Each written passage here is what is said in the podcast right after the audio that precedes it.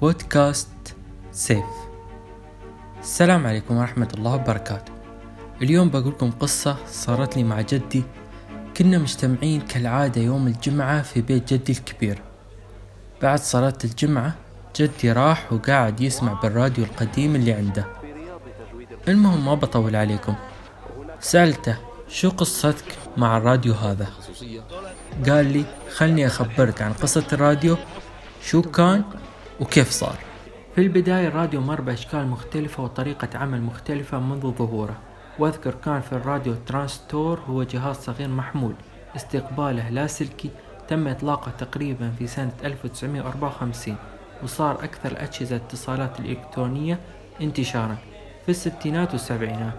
وحتى في الثمانينات كان الناس تسمع الموسيقى والأخبار في أي مكان وتستخدم إلى يومنا هذا في السيارات. وسألت جدي كيف كان يشتغل.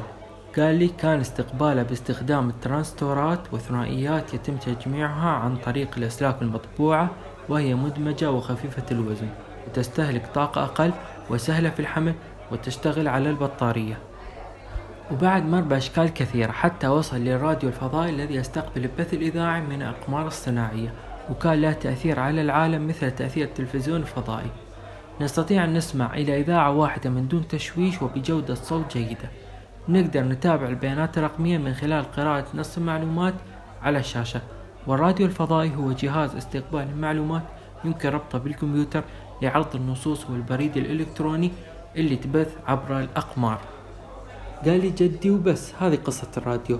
قلت له لا جدي قصة الراديو ما وقفت هني. سألني كيف؟ لأن طلع شيء اسمه الإذاعة الرقمية.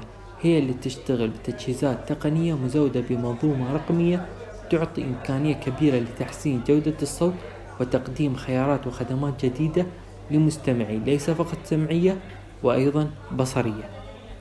يتكون من سلسلة تبدأ من محطة البث وتنتهي عند أجهزة الالتقاط. لهذا النظام إشارات صوتية في أشكالها الكهربائية الصادرة عن الميكروفونات أو أقراص الليزرية داخل استديوهات البث.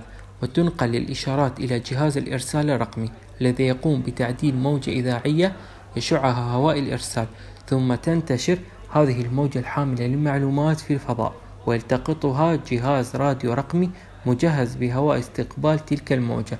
ومن ثم يستخلص الإشارة من الموجة ويوصلها إلى مكبر الصوت. وبس خلصت القصة. هذه كانت قصة جدي مع الراديو. وإن شاء الله تكونون تعلمتوا معلومات جديدة. ونلقاكم بحلقة جديدة من بودكاست سيف.